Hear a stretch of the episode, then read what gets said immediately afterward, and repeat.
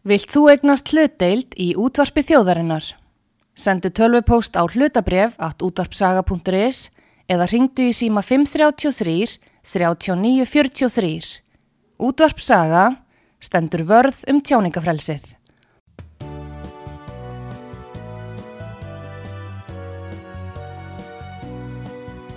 Sýtiðis útvarpið með Artrúði Kallstóttur og Pétri Gunnlaugsinni, þar sem ekkert er gefið eftir.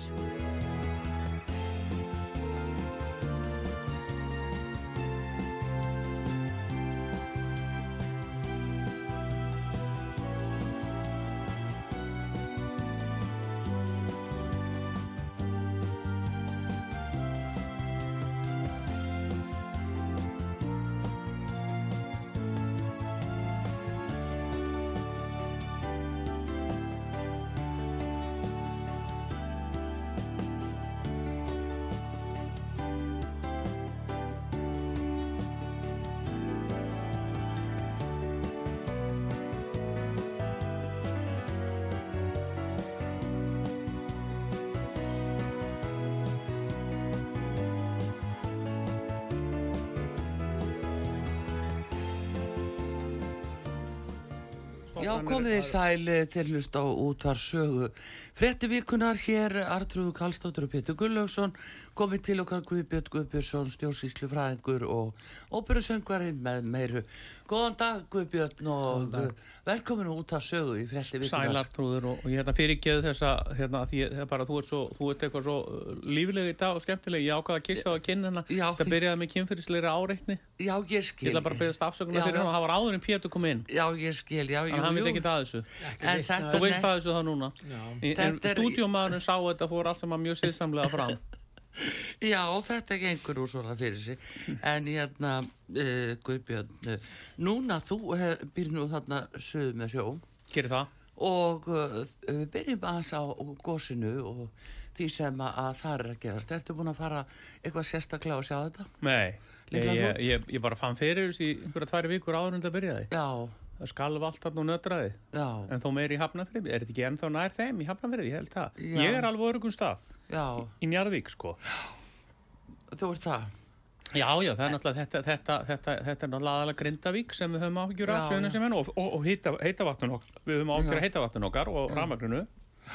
Og hérna og svo höfum við þetta áhyggjur af, af, af gamla keflækuveginum Já, en nú sem betur fyrir ekki búið að tvöfaldan alla leið þannig að maður vonar til þetta fari yfir einfaldan hlutan þannig að það fari ekki að eðilegja þennan spotta sem er búið að leggja tvöfald já, en í sjálfu sér og svo náttúrulega höfum við áhyggjur af, af hérna, flugallastæðin okkar já. nýja, mhm. Já, kassaleitis. já, Það já. er búið að vera, er það ekki, er það ekki alveg þar með svo hugmynd enn og fallin út af borðinu, sko. Hvað svo er Ég Já. veit, er það, já, Já, já, já. já. Vili. Við erum sem betur fyrir með, já, við erum bara með svo, já, bara minnið er ekki betra en þetta hjá okkur. Við sjáum það í Íslandsbanka, við sjáum það í Íslandsbanka, það er nú ekki mikið, við, við erum svona með gullfiska minni, sem betur fer. Já, þú meinar það, Já. það þetta gangi fyrst og fremst út af því. Já, og það er bara gott. Ég held að mannkynnið að það hafi þetta gullfiska minni, það gerir manni kleift að bara að- að að- að brjótast í gegnum lífið. Já, Þetta er að gleyma, sagði sér að Freyri. Já, já, einum, einum já, og það er alveg rétt, það er alveg rétt. Heyrðu, en við erum samt að fá góða fréttir í dag. Verðbólgan hefur farið niður, samkvæmt eh, Já, ég held að það sé náttúrulega eins og Það eru allt bestu annað. fréttinnar. Já, það er öruglega ekki Bjarnar Ben að þakka. Nei, veist, það er- það er alltaf og einhverjum öðrum að þakka. Hann var líka að fá, hann var líka að fá verðlun að Bjarni sáðu verðlunni sem hann fekk. Nei, segð Og okkur. það var að, alþjóðlega matsfyrirtæki keppast núna við að, að uppfæra einhvernir Íslendinga í, ég man ekki hva, hva- hvort var þetta Moody's eða hvað var þetta, ég man ekki hverða Já, það var. lánshæfismat. Já, lánsæfinsmati, hann var að fá verðlun fyrir frábæri efnagstjórn. Já, Já, það var verið að uppfæra, hækka einhvern ríkisjós vegna þess hvað hann hefði, Bjarni hefði góða stjórn á efnagsmálum, bæði á ríkisstjórnmálunum og Æ, guðbjörn, ég vil nú ekki skemma þetta. Nei, nei, ég er ekkert að Ég skemma þetta, ég er bara að segja, bara, ég er bara að ekki- endurtaka hvað alþjóðlega matsfyrirtæki er að segja. þeir vita ekkert að ferðamenn ekki. streyma til landsins. Jú, það er akkurat það sem þeir vita og það vissi hann líka og það vissi ég líka. Það hefði allir mátt vita sem að fylgdust eitthvað með bókunum í, í það, það er bara alveg með gangur. Ég var að koma að ringi, ég var eftir að fara í tvo ringi. Já. Ég var að koma og ringi kringum landið. Það það og hérna það er, við höfum, það, þetta er bara eins og, það er svona lykt, bara peningalikt alls það, bara eins og í gamlu, bara eins og gamlu loðnubræsla. Já, það er bara Já, þannig, já, það, það það er peningalikt um allt land Það verður, þetta verður það ár þar sem að uh, tekjur af ferðarþjónustur verða mestar. langmestar, langsamlega mestar og kynverjarnar eru ekki eins og byrjaðar að koma Nei, nei. Þannig að nú þurfum við að skoða hvernig við ætlum bara að verjast eh, bara þessum flaumi. Já. það er mín skoðan, það verður næsta, næsta, Ja, næsta það er áskorun. talað svo svolítið um það sko að Ísland sé rauninu uppselt eh, bæði Já. sem ferðamannaland og sem eh, komuland fyrir hælisleitundur það sé ekki pláss en ég sá að sér, sko. nú að andmæla þessu. Já, ég er ekki alveg samlega ekki pláss, það er alltaf pláss en, en það spurning hvað við græðum á því. Já, Hva, hva, hvað hefur þjóðfélagið upp úr því að fjölga mikið er meira ferðamennu, við höfum ekki fólk til að vinna í þessum bransa. Já, við sjáum það líka, það komur yfir 70.000 útlendingar að flust einhverju 10.000 útlendingar til viðbótar uh, á síðsliðinu ári. Já. þannig að við höfum sjálfsir, þetta, er, eru lálunum störf eins og ég er búin að benda á í svona 5 ár og ég sagði þetta mun bara lækka þjóðarfræðinsla mann já, það er fyrst núna sem að hagfræðingarnir er að sjá þetta og ég hafi séð þetta fyrir 5 árum. Ég vil ekki tala illa um neitt en þetta er náttúrulega svolítið kostulegt. Já, ég er búin að vera að benda á þetta í langan tíma að, að, að kannski ætlum við nú svona staldra aðeins við. Mhm, en ekki það þessi á móti ferð ég er að vinna í þessu uh, mánuðu ári þannig að mér finnst þetta frábært að þetta skuli vera til en það, það er alltaf spurningum áherslur og, og, og, og, og hvenar það ertu og hvar á að setja punkt. Nú ertu leiðsögum að Guðbjörn. Hvað segja hérna þínir hérna viðskiptamenn í sambandi við verðlag á Íslandi? þeir eru bara ekkit svonaðir Nei, ekki óan. Nei, það er nefnilega málið, það er svolítið skrítið, það er, maður heyri minn um það, dýrtíðin er svo mikil orðin, sem ég hitti bandaríkjumenn og þeim fannst þetta bara frekar gott verla hérna. já, vorum bara alveg sáttir við bjórverð, það var alveg sama hvað það var, samlokur sem bara maður fær þúsund kall samloku hérna, þetta er bara 6 dólarar, í bandaríkjunum borga ég 8-10 dólarar fyrir svona samloku, ég trúði sig, hann sagði bara, jú, þetta er svona, svo getur það maður bara kaffibólla hérna þúsund kall, það bara ekki afverð, þeim fannst þetta bara ekki dofsalega dýrt. Þetta voru bara Já. bandaríkjumenn, þjóðirannum finnst þetta svona náttúrulega dýrar í kantinum en ekkert samt sko, er ekki sami harmkvallin og var svona fyrir, fyrir einhverjum árum síðan var þetta verðlæði, þannig ég held að verðlægi okkar sko, ég held að, held að þetta sé aðeins sko, já, ég held að En við, bandaríkjamennu fjölgar alltaf sem eru að koma. inn. já, þjóðirannir eru samt mikið að koma þetta sömur Já. líka, já þeir eru þjóðirannum. bandarækjumenn þeir eru fjölminnastir Já, já, þeir eru náttúrulega uh, fjórusunum fleiri, þeir eru náttúrulega miklu fleiri, Þeir eyða mestu líka. þeir eru mestu. Góðir og góðir menn, bandaríkjamenn, góð, góð þjóð, ég er mjög pro-Amerikan, eins og þið vitið. Vestrann samvinna, NATO, bandargemenn, allt vini mínir já, já, þetta eru allt vinir og Evrópumenn. enda, enda í sjálfu sér allt Já, já, um ég, er bara, ég, ég er bara þannig maður, ég er hægri maður eins og þið vitið og, og hérna aðhyllist vestræna, vestræna varnir og menningu og annað. Þar, þar er ég og ég, ég ætla bara að standa við það. Það er svo fáir sem þóra að standa við það að vera til hægri, aðhyllast hérna NATO, þannig ég er allir tekið öll bóksinn hjá vondafólkinu. já, Það er nú fleiri en hægri menn sem styðja NATO þessa Já, já, dagana. krattarnir gera það líka. Já, og jafnvel vinstri-. Og já, og, og vinstri Já, sósialistanir já, líka. það er svona allavega, allavega þessa stundina. já, Það er alveg, Ísland og NATO herin burt er alveg horfið úr þeirra slagorða, Er ekki Já. svolítið erfitt að vera hernáðsanstæðingur á Íslandi núna? ég held það. Eða það, en anstæðingur? allavega, já, herstöðvar, það er náttúrulega engin herstöð lengur, hún er farin. En þá en- nú eru þeir, eru það að var, nafninu var breytt. já, þeir nú að byggja Til dæmis, ég heyrði engin mótmæli að hér var að koma kjart okkur knúin kampátur. Nei, það er eitt, Helgi, kjartorku knúin er eitt, sko. Já, síðan en það er sama. kjarnavopn, sko, það er, Það máttu búast við því að kæmi yfirlýsing frá herstöðvar anstæðingum og já, þeir heita annað núna, hvað er það Já. ekki? Hernaðar andstæðingar. Já, hvað heita þeir núna? hernaðar anstæðingar, já, eða hvað orð Nei, það, það, heyrist ekki, Svolítið alltaf þessi ekki merkilegt. bara sumafrí. Er ekki bara lokað, er ekki bara sumafrí. það, getur það verið. Það já, ég veit það nú ekki Þeir eru sannlega komin í hitabilgjuna bara þannig ég er vera já, það verður ég þessu bröldi þetta er nú meira Hvaða bröldi, hernaða bröldi, þetta er nú meira Já, rugli. ég er ekkert að, það er enginn sem aðhyllist það, Artrúður. Það er enginn, þess vegna er þetta varnabandalag. já, já Þetta jú, er ekki jú. hernaðabandalag, þetta er varnabandalag. já, en þetta er orðið eins og núna ef maður tala um stríði vil ég það sko Já, já, við getum gert það. Við vorum ekki með nei, Við einhvern veginn klikkuðum á því. nei, við höfum bara hafa Nú átti þetta að vera svona. vera, Já, þetta átti að vera bara svona tjatt. Já, í bara það. algjörlega spontant Já, ok, það er þannig það er gott. En við erum að fá, og sko, uh, átökinu er að harna verulega þarna Í? Úkrænu, alveg Já, já. svakalega. Það var náttúrulega við Skotir hýra á, búið. á alla búa, alla Já, já.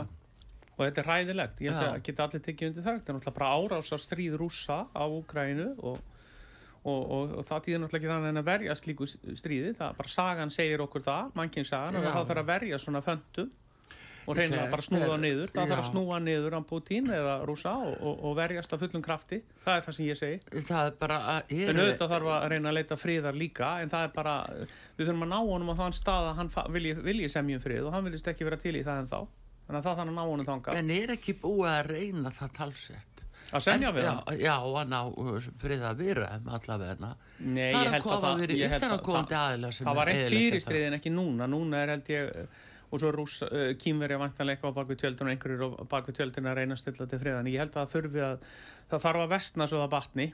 Það er mín skoðun. já, hugsið ykkur. Já, við nú að vísu Já, sko, það er ljótt erum- að segja, en það, þannig er það bara oft í svona, svona stríðum, við sjáum það, það, það er bara, það, mannkyn, ef mannkynsaðan kennur okkur eitthvað, þá þarf að vestna en það batnar. já, Já, nú er, að, er, þeir að, beita, að fara að beita klasasprengjum, þeir eru byrjaðir ólöglegum sprengjum. Það er ekki ólöglegar, það eru brólulegar sumum, sko, það er, það er ekki 120 allir, það er sumir búin að samþykja það, aðrir ekki, ég veit ekki, rússar Já, samþyktuðu ekki, bandaríkjumenn ekki heldur, þannig að þeir eiga sína klasasprengjur. já, er ekki- Íslitingar mótmælum. Já, en ég meina það er ekki verið að sprengja henni tér með þessu, það? Nei, það er þannig að það er ekki- lögin á ekki- getum við samt ef fallist á það að getum við fallist á að þetta sé nota svona ég- við, við þurfum ekki að fallast á það en það er ekki verið að nota þær hér. Við erum á ansnúin þessu, ég er alveg sammála því en rú, rússar notuðu þetta ákrænum en fyrir nokkru mánuðin síðan þannig að það er bara verið að verjast á sama hátt og rússar Nú þú meinar að þetta er svar við því að rússarnir hafa... ekkert annað rússar er að beita þessum vopnum gegn úkrænumönnum og þetta geta, geta, geta þeir að geta svarað í sömu mynd Fórseti það þeir ekki að bandaríkja leggjast bara á bakið og láta hann bara vaða yfir sig hann, hann, hann Putin en Já. fórseti bandaríkjana sagði í raun það og er veru að þetta væri sko... það er því líka svarað í sömu mynd ef hann myndi ráðast úkrænum með kjörnavopnum það er alveg ljóst já, Þannig að já, þetta er bara- já, já. vitum En hann sagði náttúrulega. bætinn að, að ástæðin fyrir þessum sprengjum sem að þeir ætla að senda til Úkrænu væri svo að, að þeir hefðu ekki, það vantaði skotfæri. Já, ég held að vanti skotfæri á báða bóða, sko. Ég held að það sé Já. ekkert minna í, í Rúslandi, þess að Já. Rúslanda vanti alveg síðustu það, var- það sko rökin fyrir því að senda þessar sprengjur hjá fórsetan. Já, ég vant alveg að bandarækjumenn eru nú öruglega í vandrað með að uh, fr- framleiða nokkra patrónur eins og ég þekki og rétt. Þetta er nú til í öllum matvörubúðum þarna bara við kassan, sko. já, Það er hægt að kaupa bæði byssur og patrónur þar bara. En Svona, það svona með mjölkinni, líka í þessu sko. sko hergagnaframleðendur þeir hergagnaframleðendur þeir náttúrulega líka knýja þetta áfram. Þeir sko, þeir eru með sína menn sem eru ráðgjafar og bæði inn í fjölmulum og líka inn í Ég ger ekki ráð fyrir því að þeir hafi uh, að einhverjir slíkir aðeins einhverjir versmiður hafi lagt á ráðunum eins og innráðs í, í, í, í Ukraínu, sko. Nei, ég er nú ekki vissum, nei, ég er nú ekki að segja það. Að- heldur meira að við halda því sko að stoppa þetta ekki Hvernig ætla þeir að stoppa það? já, og reyna að gera allt sem hægt er til Ég að kannast ná- ekkit við það krúp hafið reynd að stoppa síðari heimstöldina eða, eða aðra veksmiðu þýskar sko. þetta, er, þetta er alveg þeir eru náttúrulega að græða tá og fingri á þessu Já. bara eins, og, bara eins og krúp gerði líka Já, og, aðrar, og, og, og allar þessar veksmiður í Þýskalandi sko.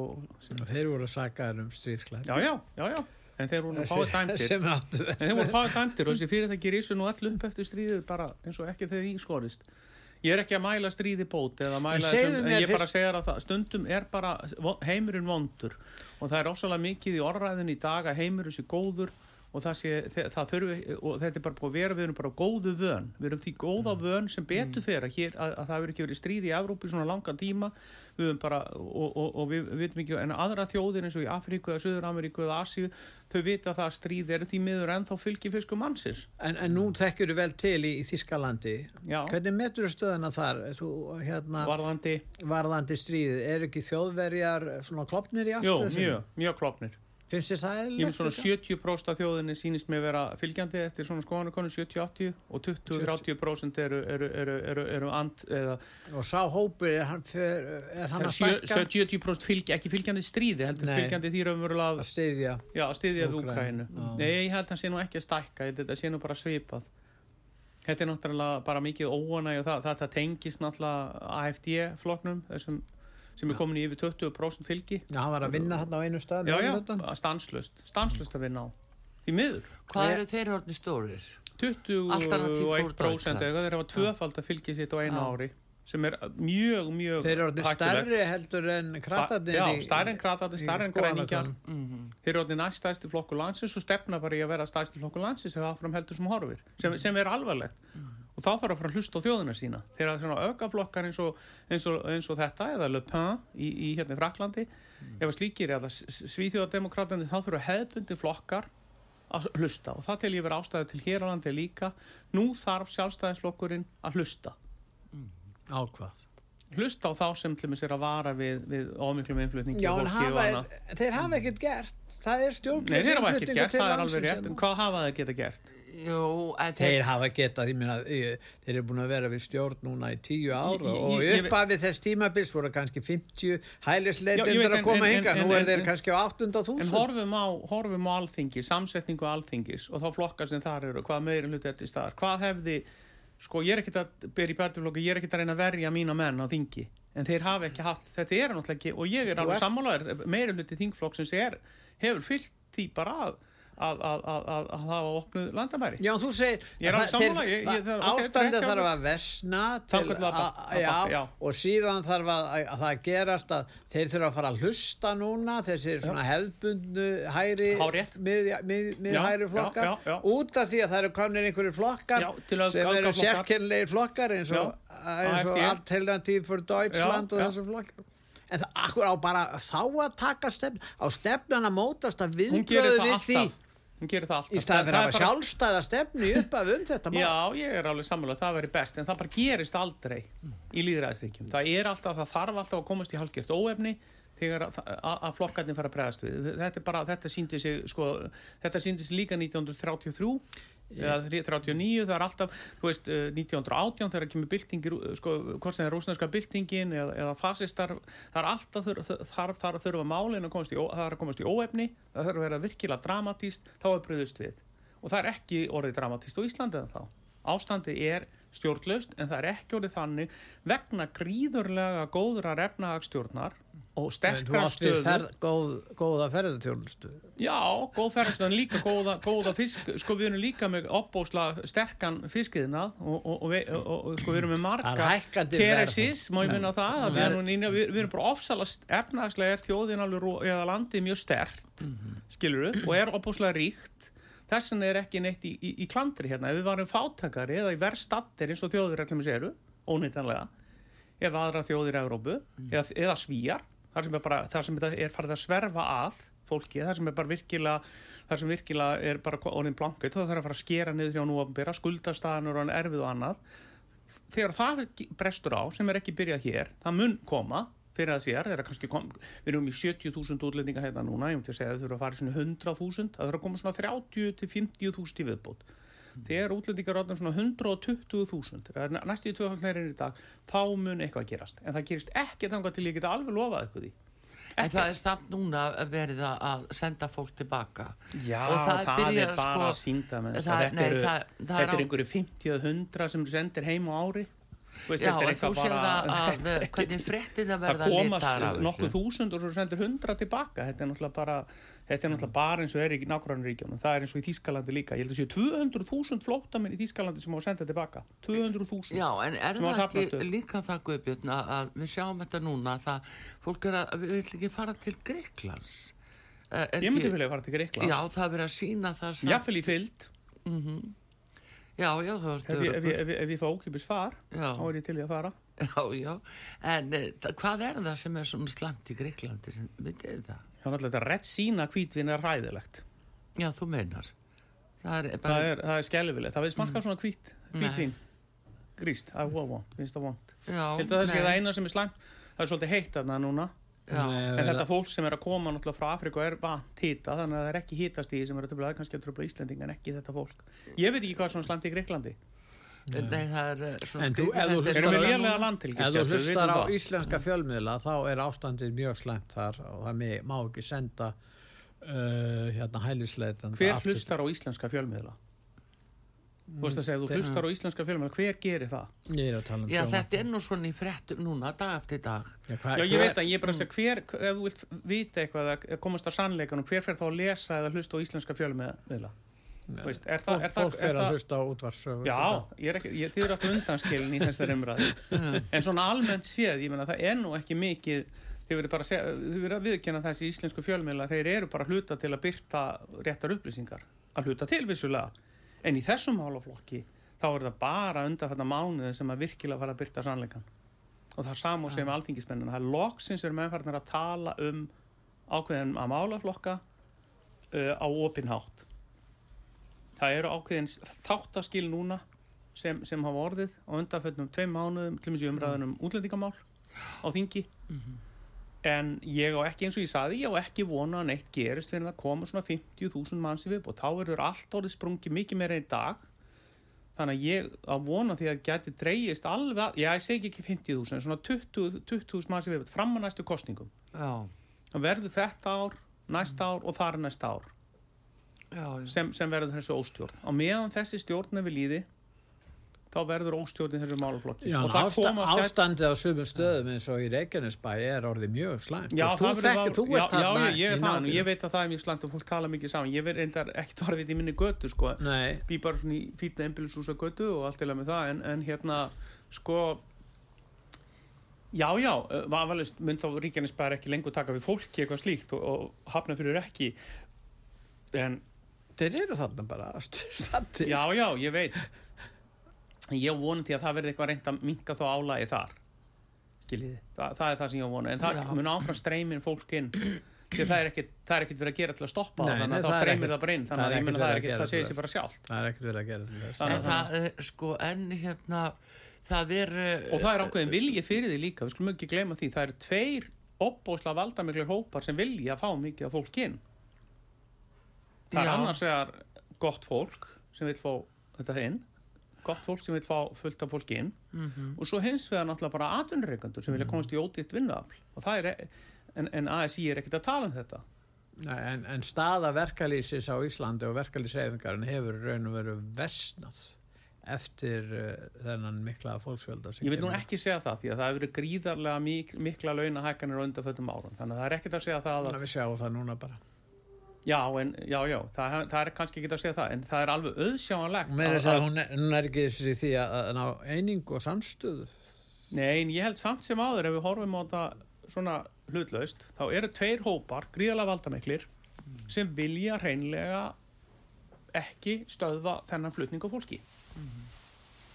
Uh, þú varst að meina aðturureikundu þá Já. Í, í vissum greinum. Sem vilja komast bara í ódýr Já. laun, vilja bara borga fólki litla peninga og, og vilja bara, og viðreisn er að verja þetta þeim sögum. Þeir eru, eru mjög sterkir aðalir innan viðreisnar sem, að, sem hérna vilja atvinnureikundur og innan sjálfstæðisflokksins innan sjálfstæðisflokkning og þessi tveir flokkar eru, eru þarna. Og svo erum við náttúrulega með vinstri flokkana bæði Vafsi og Samfélking og í sem býð eftir þessum atkvæðum. Þannig að þetta eru tveir stórir hópar sem vilja þetta. Og það er bara eitt flokkur sem ég kýs ekki, það er miðflokkurinn það er ekki minn flokkur, ég er sjálf, flokksmyndur sjálfstæðismæður, aftur.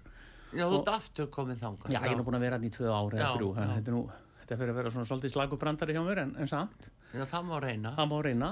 Og hérna, en það er bara miðflokkurinn eitt sem stendur á móti í þessum málflokki en það sem þetta er ekkit skiptir einhver máli fyrir Íslendinga af því að það er svo mikil atvinna ein, En þetta skiptir máli fyrir almenningur er á annari skoðun heldur en stjórnmálastéttin að Ég er ekkert viss um það að einhver, kannski 30% af almenningi eða 40, ég held að 60-70% af almenningi vilji bara hafa þetta svona áfram Heldur skoðun, já ég held það, ég virkilega þeirra skoðun. Ég held að fólk sé ekki farið að átta sig á. Það er ekkert byrjaður neitt niðurskurður. En um leið og hann byrjar, ef við segjum að ef, ef það er virkilega fólk er, er bara stilt upp eh, við vegg þannig lagað að, að það sagt, já við getum ekki, við erum að lækka örorkubæturnar, elli lífiri e, það verður að minka þjónustu í heilbriðiskerfinu við, verum að, við getum ekki verið með svona mikla þjónustu. Það er þegar að byrja, við sjáum náttúrulega Reykjavíkur og haustnum þeir hafa gefna á leikskólu meðan einu, en þetta byrja þar og það, er ekki, það má bara ekki segja út af hverju það er auðvitað er það hluta til út af þessum útgjald, útgjaldaaukningu vegna þessa, meðal annars.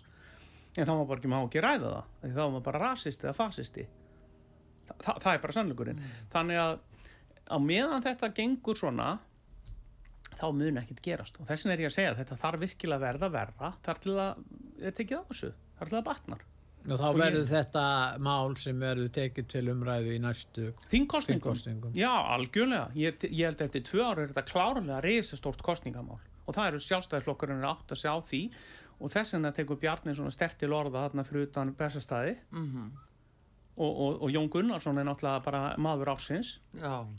hann lengi var á því hann er maður En ásins það er, sko, Bjarni líka alveg búin að fá nóg. Hann sagði það alveg skýrt. Já, já, ég, ekki að, hægt, ég, ég, ég hef ekkit Hann er eh, bara ég virkilega að taka- hann er að taka á ekki að þessu. ræða beint þetta ég voru bara að fara þarna sem formum í stjættafélags og ræða önnum mál en auðsjáanlega, sko, já, með hans yfirlýsingar, Já. er hann er náttúrulega fjármálur hann er að borga brúsan hann sér alveg hvað þetta kostar, heldur hann sé ekki upplýstur um það hvað þetta kostar í raun að vera þjóðina bæði sveitafélagin og ríkið, auðvitað veit hann er það. hann hefur bara ekki getað talað um Eh, þetta ég held Guðbjörg. að þið skiljið það ekki.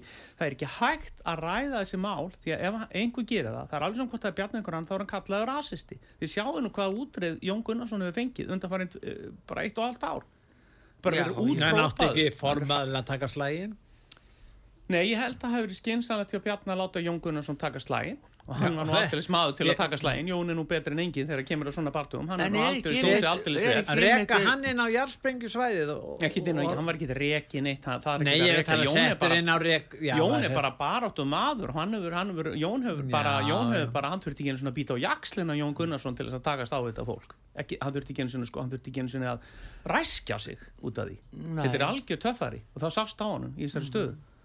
En það er hins vegar uh, hérna, það er verið að taka á sig Guðrún uh, Hafstinsdóttir er nú komið þarna í stól dósmálar og það er verið að gera ég vona það að hún feti bara í fótspor Já, og, hún hún, er að og formaðurinn, já hún er að gera það og, Jón, og, og formaðurinn uh, Bjarni Ben laði mikla áherslu á það að það yrði eitthvað gert í þessum álum og sagði, og sagði bara hreinlega að hún myndi halda áfram því góða starfi sem Jón Gunnarsson hefur að vinna. Já, þannig að það er engin, vafi núna hvað var það afstöðu sjálfstæðisflokksins í málunu en það hefur náttúrulega ekki verið talað skýrt en það var ekki hægt það hefur ekki verið hægt að tala skýrt í þessu máli.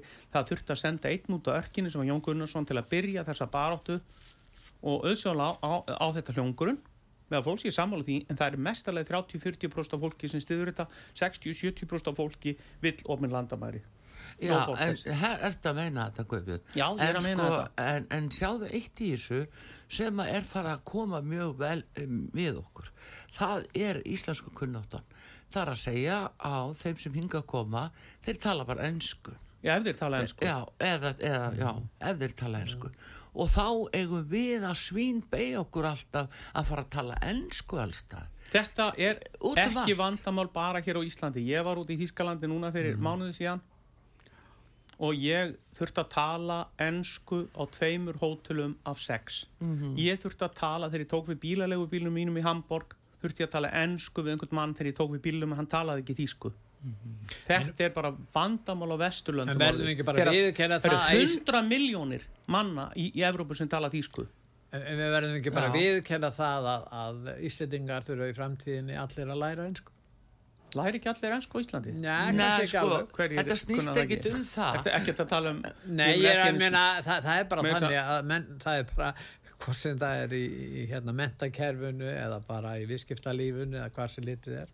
Ég held að það sé náttúrulega bara nú þegar þessi kunnáttu til stað, síðan er að spurning hva, hva, bara Já, varðandi okkar, varðandi okkar sjálfsmynd Mm.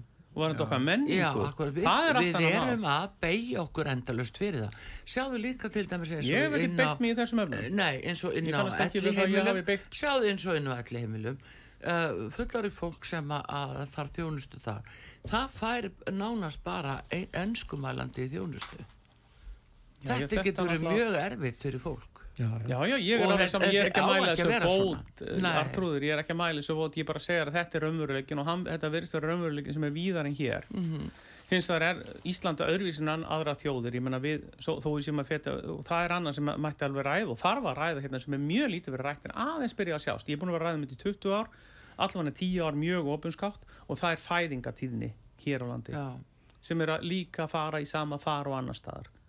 Er í kringum 1,4 Já. 1,45 það er að lækka fæðingatíðni mjög hratt. Við erum alveg að ná þjóðurum sem eru, við erum ekki alveg komin niður á ítalska stíð en, en hérna fæðingatíðni hér er bara verða japs, sem sagt, lág og í öðrum löndum sem þýðir það að við erum ekki að, sko það þarf 2,1 styrka batna hverju til þess, að, að við stöndum í stað til þess að bara fylla upp í ræðirnar og við erum komin í 1,4 börn þannig að við þurfum að standa okkur betur. Og hvernig er hægt að gera það? Jú, við þurfum betri fjölskyldupólitík. Við þurfum, við þurfum betri við þurfum meiri sveigjanleika fyrir unga fólki þannig að, að, að því við vitum það að þegar ég var ungur þá, þegar mamma átti mig, þá var hún bara heima með mig. Já, já. og alveg ærin vinna með fjóra stráka trúið, trúið Já. mér, þetta var alveg nóg að- vera með okkur æslabelgina fjóra allir eins og ég, minnstu kosti og hérna, þannig að það er svolítið annað. En nú þurfum við virkilega að, að hérna, ennþá betra bæta leikskólastíð leggja meiri mm. leikskólana, heilstagsgæslu uh, og líka náttúrulega hækka barnabætur og æntala einnig hérna, við þurfum, við þurfum bara að leggja meiri peninga í fjölskyldunar og hjálpa meira. Já, og, og líka aðra ömmur og allt. Já, Já, ég meina þetta er bara ef, ef það er ekki að fæðast nóg börnum þá er einhver ástæð fyrir því. Og ef það er hægt að gera þetta á einhvern nátt við verðum bara, þetta er bara fjárfæst ekki framtíðana annars erum við öll að fara að tala ennsku á elli heimilinu Já, Það er en Guðbjörn, sjáðu til að hérna, og að kenna útlendingunum sem eru að koma hinga líka ennsku íslensku segir. Já, en er Guðbjörn, sjáðu þetta- til eins og fyrir eh, ungt fólk, ég meina hvernig verða fjölskyldu til? Fyrir ungt fólk í dag heldur það sé freistandi að fara út í, í að eigna spönn Ekki, það hefur ekki húsnæði það er og- ekki Nei, húsnæði, er alveg það fara ekki fyrirgreisli banka til þess að, láta sta- að hjálpa sér við, við að eignast húsnæði. Þetta er það sem ég er að tala um. Og uh, það er ekki pláss á leikskólum þetta eru Akkúrat. bara svona er það er eh, jafnvel eh, ekki pláss, í bekknum í skólanum. Eða þá að, eða þá að skóla bekkirnir eru orðnir sko, svo, það eru svo mikið útlendingum að, kennarin ræður ekki við bekkin bara hreinlega því að þetta er orðið svo erfitt. Þannig að það er svo- margt sem það er að Já. tækla. Þannig að fjölskyldan, börnin þetta eru framtíð og þetta ráð- segir maður sem er orðin 61 árs. Já. þannig að ég er ekki að tala fyrir mína hagsmunni heldur barnana minna.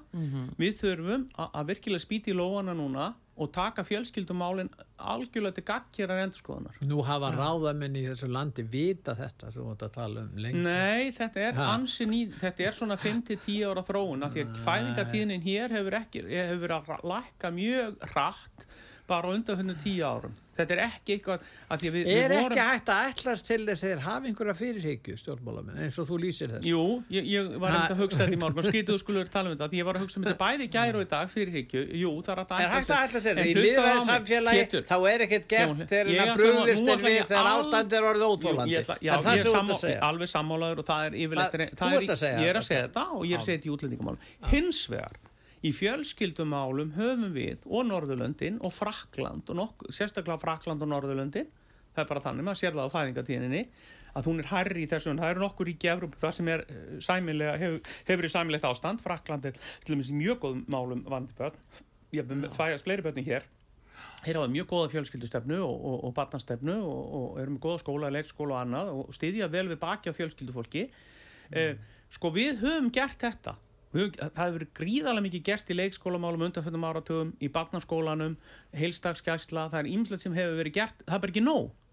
En aðra þjóðinu svo Tískaland, þeir eru að degja út. Þeir munu degja út, þeir verður orðinni minnufliti og það er bara, núna viðurkenna þetta allir þó að, þó að menn hafi verið reknur úr sósjaldemokratafloknum fyrir að segja þetta fyrir 10 árum. Núna viðurkenna allir að þjóðverið verða helmingur en að þjóðverjum innan 20 ára. Það verður að skipta um þjóð. Það verður skipt um þjóð. Það er virkilegt að segja og mér er alveg sama hvað, hvað hann segir hann hérna í pýrótunum, hann Björn. Ja, hann segir þetta sé lífsættulegt að tala Já, um og það er bara ekki hægt. Svo Að segja sannleikan er aldrei lífsættulegt og þetta er bara satt. Er verið, en þetta er ekki að segja um Ísland. Sé hér sé verið að skipta um þjóð þegar sé komin 70.000 útlendingar, 18% útlendingar. 75.000 Nei, það er 70.000, samkvæmt 75. samkvæmt síðustu hagskrá, nei, 70.000 Já. rétt rúm. Það, það er sko, ég var að lesa tölunar á þann, sko, nei, það er ekkert að segja það, það er ekkert að segja það. Þetta er- er sko, ekki- ekki er rétt gríðarlega Það- mikil breyting á skömmum tíma og Já, já. þetta er einhver tilnegin hver er að stjórna þessu? Það er ekkert verið að stjórna þessu, Jú, þannig það er víst verið ekki að að stjórna þessu, nei, já, það er verið að stjórna þessu, ég sagði það á Já, hver er að stjórna þessu, það er að er atvinnureikendur og svo píratar og, og samfélkingin og það eru vinstrimenn og stjórnlýsingjar sem eru er, er að gera þetta. til að Ísland þurfti ekki að skrifa Marrakesh. til Nei, nei, nei, nei, ég held nú að Marrakesh komi voða lítið þessu við, en ég er sammálaður það hefði aldrei að skrifa undir það, það er annar mál. En, en ég er að segja þér og ég er að nærra. Hérna, Guð hjálpi sko takk, þetta er bara ornamið það sé nú ákveðt í dag regnir, er svona smá svona dumbungur. Já, en ég verð að segja alveg svo er að, að hérna, við höfum, ég ætlaði bara að taka hanskan fyrir pólitíkusuna Artur og Pétur, það hefur verið sínt fyrir ekki fjölskyldumálum það er bara ekki búið að gera nóg, það þarf að gera meira. Af því að unga kynnslóðan okkar konurnar og mennir eru jafnt út að vinna þarf, nú þurfum við að skoða þetta betur, hvað getum við gert betur í fjölskyldumálum til þess að, til þess að bæta þetta. Þjóðverðartum sem voru að gera það núna að þeir eru að taka af uh, sem sagt uh, uh, hvað er þetta hérna hvað heitir þetta hérna uh, Fæðingar? fæðingaról og skreislu til fólk sem er með yfir 800.000 á mánuði ef hjón eru samtals með 1,6 miljónur á mánuði þá fá það enga fjölskyld þannig að bara fátækt fólk í framtíðin hefur efnaði eignan spörni í Þýskalandi þetta var allt brjálað út af þessu Já, ekki er það stefna til þess fallin að auka fjölga. Nei. Nei, allavega ekki þessu fólki þannig að innflytjendur eignast fleiri þá En er það álítinn há laun? 800.000? 800-900.000 eru bara mjög góð laun í Þýskalandi það eru bara ekki tá laun Það þykir ekkert góð Nei, það þykir ekki, þykir góð laun ekki hér. góð laun hér. Ekki, ekki allavega í skattinum Það ekki náttúrulega laun. Það, fyrir einhvern háskóla fólk, nei Já, þetta er svolítið merkilegt. sko. Já, það eru bara ekkit, sko, það er annars svona minnskilningur í Íslanda laun hér séu há. Það er bara húsnæðisverðir há. Leigan er há. Maturverðir En svolítið það há. er það sem er búið að vera, það er líka þessi ómöleiki fyrir, já, ungt fólk að geta eignast heimili. Það Já. er alveg búið að vera með fullri Já, meðvitað þar þar hefur og, ekkert verið og, gert. og þar er einhver stefna í gangi sem á eftir að Þetta sé engin stefnu, það er stefnu leysi í gangi. Það er að að stefnu leysi. veg fyrir að fólk geta eignast Nei, nei, það er Jú, ekki þá stef- fá- ge- þarf þetta að leia. Já, nei, ég held að þetta sé nú ekki svona, ég, held, ég trú ekki á neina samsæriskenningi þessum. Það er ekki samsæriskenning. Það er ekki samsæriskenning. Jú, þú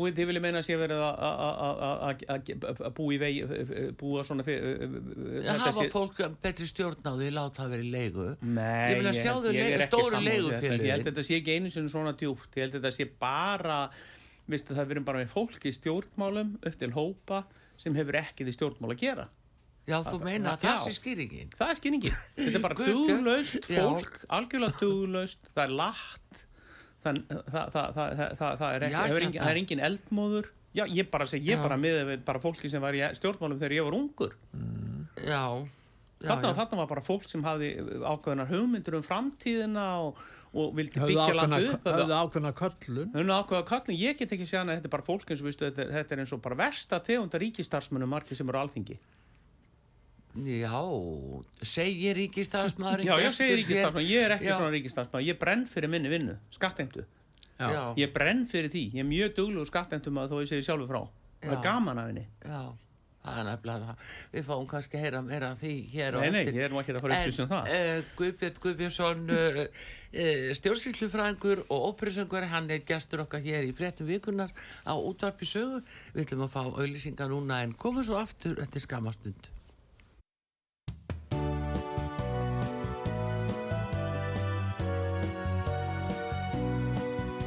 Sýtiðis útvarpið með Artrúði Kallstóttur og Pétri Gunnlaugsinni.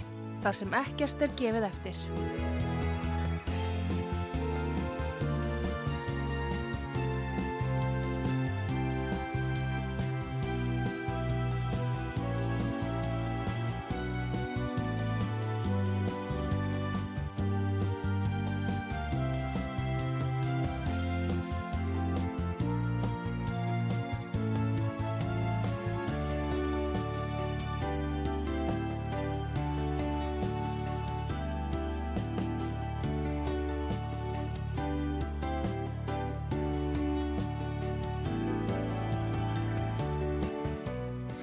Komið þið sæl aftur, frettir vikunar og útvarpi sögu.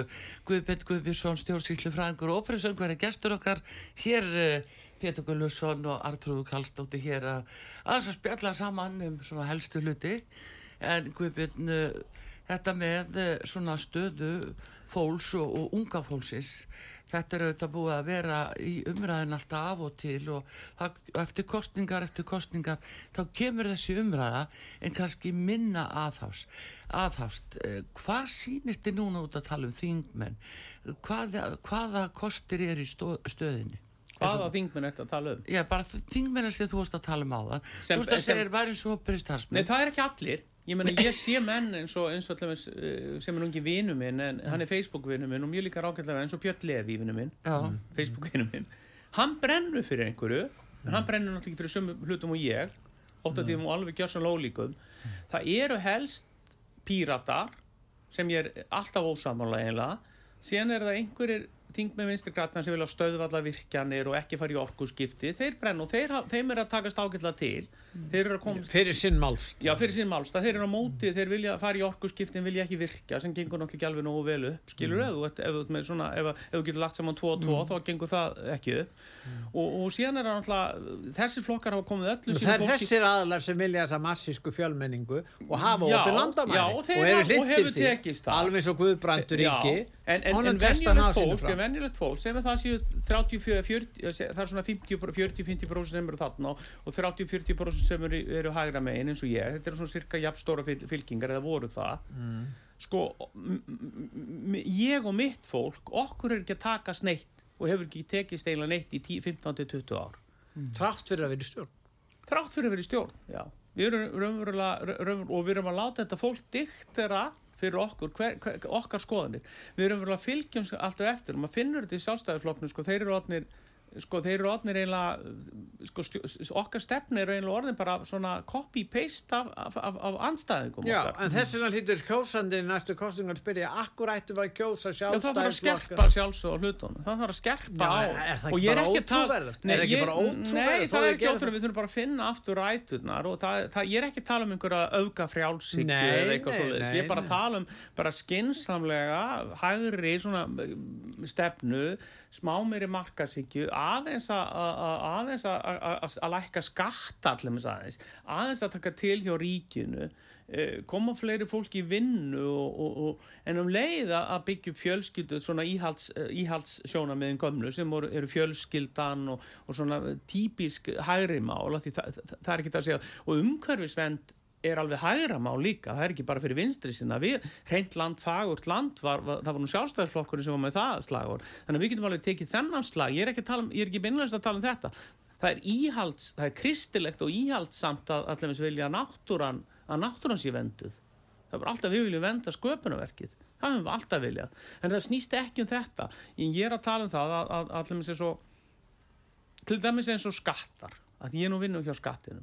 Þetta er náttúrulega gríðar ef þið horfið á launaseðilin ykkar og sjáu bara hvað er að fara í, í, í, í- í skatta og lífeyrissjóð sem er upp undir 40, 40, eh, 45% 40% af flestu fólki þeir eru búið að taka þetta og ef þú tekur brúttólaunin þá er það upp, undir helmingur. Ef þú tekur, tekur tryggingagjaldið og, og, og svo mótframlög eh, sem satt uh, í lífeyrissjóð og annað.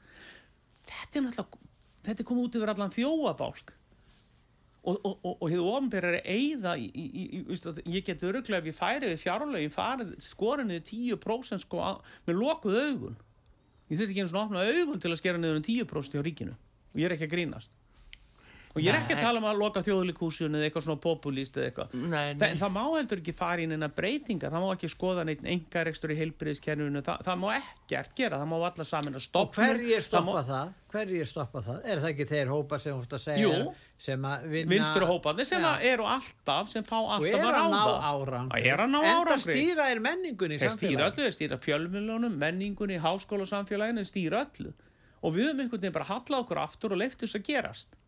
Því miður, það verður bara að segja Já, það er það sem að hefur og þetta er framsóknarflokkurinn líka því hann var eins og skins saman flokkur en hann er það ekki lengur, við sjáum það bara í borginni með eina Þorstensson og kóð, þetta er náttúrulega bara alveg þetta er alveg galið að maður skulle taka þátt í þessari vitleysu sem er að gerast Reykjavík nú hérna, Guðbjörn, nú frétti það að, að eina Þorstinsson muni vera næsta stjarnan hjá Framsókn, hann er að taka við flokknum sem formaður þess að Sigurður fari. Ég- ég- Nú sé verið að, uh, döpa hann upp í það. já, hvernig líst þér á það?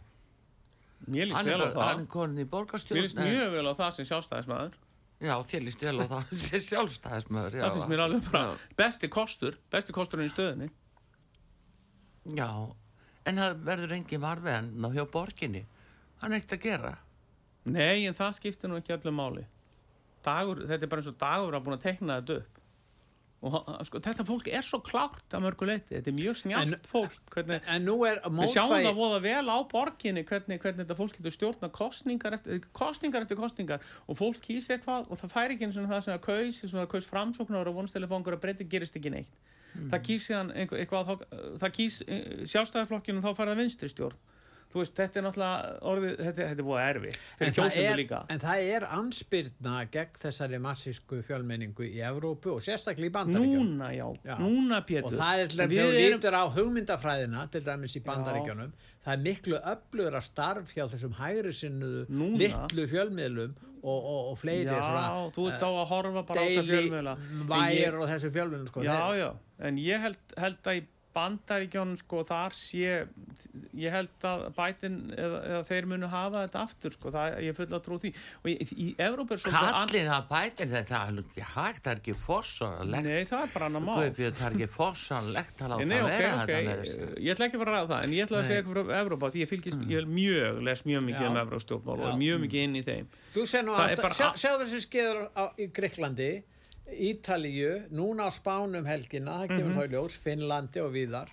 Það er ákveðin anspyrna gegn Algjörlega, ég, ég tek undir það en það er ekki Ísland Nei, það er ekki Ísland, það er, það er bara allt annað, Það- hér bara það er allt annað kannski miðflokkur með tvo þingbenn. Já, Já, það er ekki miklu, tveir, þrýr, ég held bara, sko, að, að, að þetta eru 5-6% sem, sem er að kjósa Já. svona. Já, og kannski, já, einhver, og einhver ég, er að segja, og ég er að segja ykkur þetta, og ég er að segja ykkur, við erum bara ekki tilbúin í þetta, það þarf að gerast eitthvað, meðan það er að koma 2,5 miljón feðamanna, við erum að selja fiskin og metverði og keresis er að selja líka. hvað var, fór það á endanum? álverði gott líka. álverði er gott, það bara gengur svo rosalega vel og, og, og hérna að, að, og ég er alveg samfærum að Bjarni finnur anna, aðra, hann er búin að finna 80 eitthvað miljardar, hann mun finna aðra 40 í haust. Þurfum við þá Hann finnur 40 efnaðskreppu til að breyta þessari Já, stöð? það er ósköp einfalt Þegar nýðurskurð og efnahagskreppu það er það sem er breytast Þegar að vel gengur Já. þá stjórnar vinstrið menningun. Já, og það er bara endalist útgjaldaaukning endalist vittlisa að því við höfum efna á því þetta er bara sökk og ég heldur áfram að við höfum eitthvað því það er svona Jú, jú, það er svona það. spurninga Nei, a- Art, sko, nei, ekki það. þetta er ekki skuldir Jú, sjáðu til dæmis núna samdráttin í vegaframkvæmdum. Já, Það sem að já, bráð það annað liggur á Það að laga áhersluatriði, Það er bara áhersluatriði Já, aftur á því, en það er eru aftur ekki til peningar. Þetta er bara ekki rétt hjá At- þeir segja þetta sjálf Atvinnulífið er, að- gengur vel. Útflutningur er frábær Þú veist, það, það, ríkisjóður er að fá inn með tekjur sem, sem því miður er þélur þannig að- að hagkerfi per se er ekkert í neinu slæma ástandi. Það, það er bara í mjög góð ástand og það er ástand fyrir að þetta er hægt. Við erum ekki að bæta við ykkur skuldum. Við erum, verðbólganar gera það verkum að skuldunar eru að minka og síðan er, er afgangur, það er ekki þetta ástæðu lausa mútís eða hverju það voru sem voru að bæta sem voru að hækka lánshæfis Já, þú veist að þarf að borga þeim fyrir álitið Já, ég veit það, Já, er Sá bara sem fær matið Já, borga já, fyrir það það. er samt ekki að ganga illa. Það er vanda, vandamálið er að það er að ganga alltaf vel. vandamálið er að það er að ganga alltaf vel. Þess vegna tökum við ekki á neinum vandamálum að því að efnaðarslífið hefur efna á vittlisunni þetta er nákvæmlega eins og þú bara getur sukkað þú þjenar rosalega mikið ef þú ert bara, ef þú vinnur allan sólarhingin og ert að vinna kannski, ert með 2 miljónur á hálfa ert, þá, og, og, og, og þá hefur hann efna á því að kaupa allan anskotan. En, en, en sjálf, þetta er nákvæmlega það samar að gerast hjá okkur það er bara opbúslega gott, og þetta er að gerast víða í þjóðfélagin við sjáum að fólk á nóga peninga. Það er að fara til útlanda, það er að koma sér bíla það að Já, þá það er víða fólk að um bara- mjög vel. Þú ert að tala um bara ákveðin hóp fólks. Nei, þetta er stór hópur Íslendinga. Stór hópur Íslendinga. Ég, veistu að kannski er ég svona, við erum ekki ríkt fólk. Það er engin fátakur í minni fjölskyldu. En það sem er uppháslegu Engin. það sem er, höfum það bara fínt það takk. sem er efnahagslegur uppgangur þar hækkar gætnan fastegnaverð svona eins og Írlandi, Írlandi gott Já, já. dæmi. Þar er gífulega mikill uppgangur í efnahagslífinu. Eins og hér Já. og þá hækkar verð á fastegnum það sjálf það, er ekkert það sem er að gerast. Og líka vegna þess að stöðum sem eru dýrir staðir og eins og já, á dýrustu stöðum í, í borgum hér í Evrópu. Já. það er náttúrulega fastegna verið mjög hátt og það er nákvæmlega það sem við erum að uppskera núna hjá. Já, já, ég held að þetta sé náttúrulega líka bara út af þessu ofsalega þessum mikil aðflutningur af fólki þannig að það segir sér sjálf þegar koma það leiðir 80-10 manns já, það er þannig að hluta, það þarf- hluta Já, því þegar ég er gott þá kemur fólkið. Akkurat, þess vegna segi ég það þarf aðeins að við þurfum, við þyrftum núna aðeins að hæja okkur og það er það sem við verðum að reyna að gera. Það er nú það sem blessaða kallinan ásker er að reyna að gera með því að hækka stýrivextina. Hann er aðeins að reyna að hæja á efnarslinu hann er aðeins að koma vitunni fyrir okkur. Það er sársöka fullt, en það vill bara enginn hlusta. Og það þarf líka að koma vitunni fyrir, fyrir, fyrir, fyrir þá gráðugu sem er í, í, ferðarþjónustun og annars staðar í fiskkeldinu og öðrum. Það þarf bara aðeins að þessu og það þarf bara að gera það hugsanlega með aðgerðum sem eru og sem þessi ríkistjórn mun aldrei koma sér saman um. Og hvað þá vinstri stjórn Guð hjálpa okkur eða samfélkingin kemur með Vafki og Pírat og aðra en þá fyrir þetta nú mér finnst fyrsta þetta fljúandi svolítið vitleysu skrítin hagfræði, ég vil nú að segja eins og það. hvaða hagfræði? Þessi sem þú ert að lýsa. Nei, Já, við erum með frétti núna því það er verið að hætta við og, og hverfa frá áallunum í sambandi við vegaframkvæmdir á mjög að, sko, að það áríðandi þensla stöðum. Já, ég það að meina, það er að að það bara þessu verið út af því það er náttúrulega líka verið að eigða þessum peningum í, í, í, í, í aðra hluti sem vorum að ræða áðan. Já. þannig að þú eigðir ekki sögum peningum En heldur þú að, sinnum. að sjálfstæðisflokkur þinn flokkur eigi eftir að mæla með hærri sköttum? Nú til dæmis Nei, ég, ég það heyrði dæmis- ekki það til dæmis verið að breyta lögum um leigufélög já, og, og leigulögin um, um leigu. Það er ekki og þar er gert ráð fyrir að ég hækka ska, skatta á tekjur þeir, á þá sem hafa miklar tekjur af fastegnum það er náttúrulega kannski bara sértak aðgerð. Það er ekki, það er en það er alltaf notað þessi að- aðferð Nei, það er náttúrulega ég að hækka, já, en hækka skatta. já, en skatta, hækka skatta skatt, þú getur náttúrulega að nota það sem stjórntæki líka og það er ekki það er óðurlega það þegar þú ert í svona þegar, þegar fastegna fjölu er að sölsundu sem íbúðum svo þúsundu skiptir á markaði sem, að, sem að ræður ekki við það þá er ekki skrítið þú reynir einhvern veginn að sportna við því það er ekki skrítið þú reynir að Nei, það er ekki skrítið þú endilega. ef þú breytir náttúrulega virðisöka skattstíðinu til dæmis í ferðarþjónustinni núna af því að það er svo mikið frambóð af ferðamönnum skilur það, svo- það er bara hreinlega frambóð er svo mikið af ferðamönnum sem vilja koma til að Íslands. hækka? Já, þú hækkar virðisaukaskattin á, þá, þá er er ekki að refsa neinum, þú ert bara þú ert að segja að þú vilt dempa þess innflutningin á fólki. Þú, vilt, þú, þú sér að það er svo mikil eftirspurn. Íslendinga borga líka hækka hæ- Nei, hækka. ekki, ekki, ég er að tala um þá á bara gistingu og, og til dæmis eins og að, að ég er að tala um bara að þú Já. hækkar svona ákveðina skatta. Já, skilur já. þannig, að það er ekki það, það er ímislegt að það gera og það er ekki skrítið þá skattar eru náttúrulega stjórntæki þannig, en ég gerir ráð fyrir að launaskattar verði, sko það er náttúrulega erfitt líka að lækka launaskatta núna eða virðsöku skatta eða eitthvað í svona mikilvæg þenslu því að það er náttúrulega fyrir beint út í neysluna þannig að það, þetta, þetta, er ekki, þetta er ekki létt að stjórna í svona árferði Nei, það er það ekki. Það er alveg rétt. Að- það, það er bara þannig að ég, ég, ég en, en ég uh, segi þér alveg svo er að það verður að vestna ástandi þangað til að menn sko því þjóðin hún bara skilur ekki að það þurfa aðeins að hæja ferðina þetta er sjáu Já, ekki, heyrðu, hver saði sjáuð ekki veisluna var það ekki átni matt eða hverju var það En samt Guðbjörn, veistu, bara hugsa út í að 2007? hvernig er búið að Það er leika, ljóta leik í gagvart þessari þjóð. Þú veist, eh, svona var þetta líka í aðdraðanda hrunsins, það var að ræna já, já.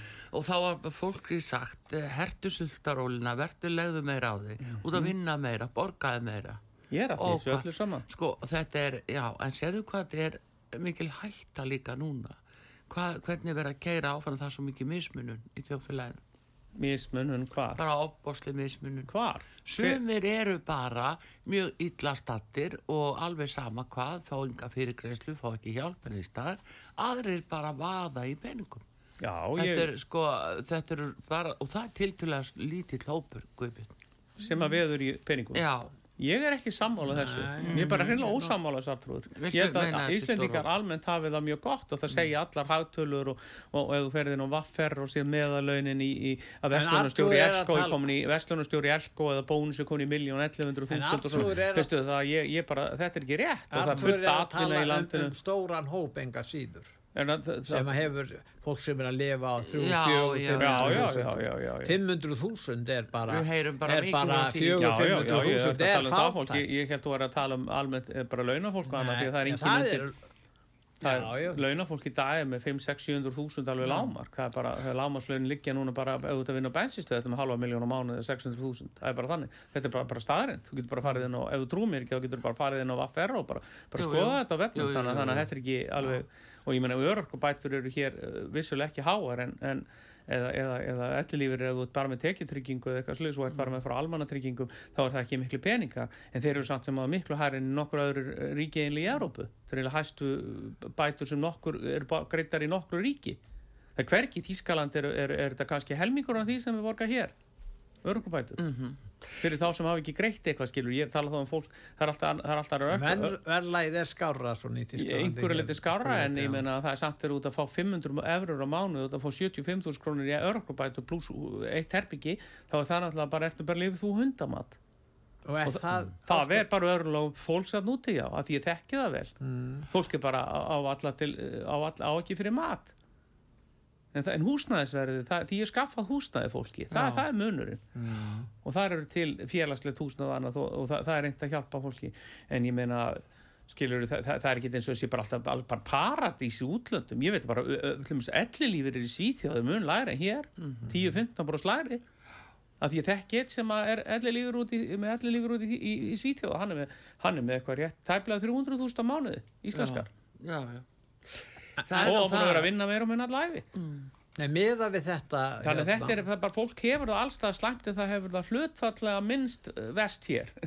Er segja, það, það er vond allstaðar að vera Það er fátakur skást hérna meina. Ég held að sé þetta skást, minnst vest og þá er síðasta spurningin- ég er Er einhver ástæðla gangi í Európa-sambandi? Nei, engin ástæð til að gangi í Európa-samöndið að bara algjörlega, engin. Þú hefur skipt um skoðun? ég skipt um skoðan, gerði það fyrir svona einu, einu og hálfu ári síðan og hérna, ég var búin að vera á hinni skoðunin í, í 30 ár, meiri 30 ár Já. rólega 30 ár, við ættum að gangi í ESB og það er engin ástæð til þess núna.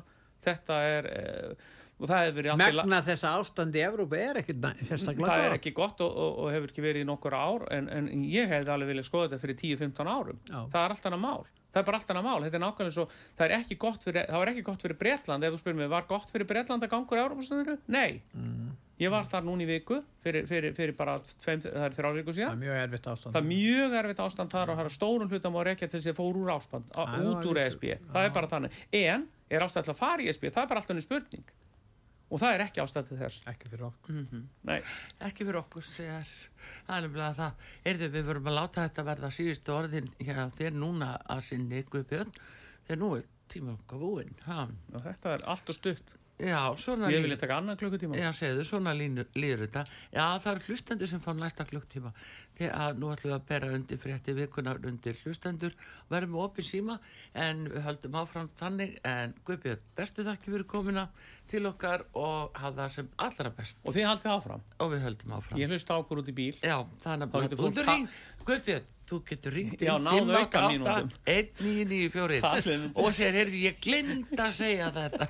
Nei, núna fá hlustendur sko tækifæri til þess að rífa þetta í sig sem ég var að segja. Já, Ég nákvæmlega. Já, vona- eða, eða, eða lýsa eða stuðningi við það. stuðning. Já, Ég ætla já. ég ætla þessi ekki færri sem vilja það. Já, við Ég er ekkert til. vissu það. 5, 8, 8, Ég geti tekið það fram að það var hérna skoðanakönnur hjá okkur og þar kom fram að uh, mikill meiri hluti hlustandi út var sögu trú á æðri mátturvöld. Það gerir ég líka. Já, En ég trúi bara á okkur almáttánu, Jésús Krist. já, einmitt. Þannig að ég þarf ekki að, alltaf geta að setja neitt hérna uh, ef um það eða eitthvað sleitt. Ég bara trúi, ég bara, bara gammaldags og trú á, á Guð. Já. Það er bara þannig, síðust orðin, ja, það er sérst Guðbjörn Guðbjörnsson, stjórnsýslufræðingur og óperusöngvari sem er gestur okkar hér og við höldum svo áfram hér og eftir. En við þökkum fyrir þetta og fáum núna auðlýsingar og síðan komum við aftur og eftir og þá munum við opna fyrir síman og bjóða hlustundum á að segja okkur hvað þeim finnst vera aðal frétt vikunar. Símin okkar 588 1994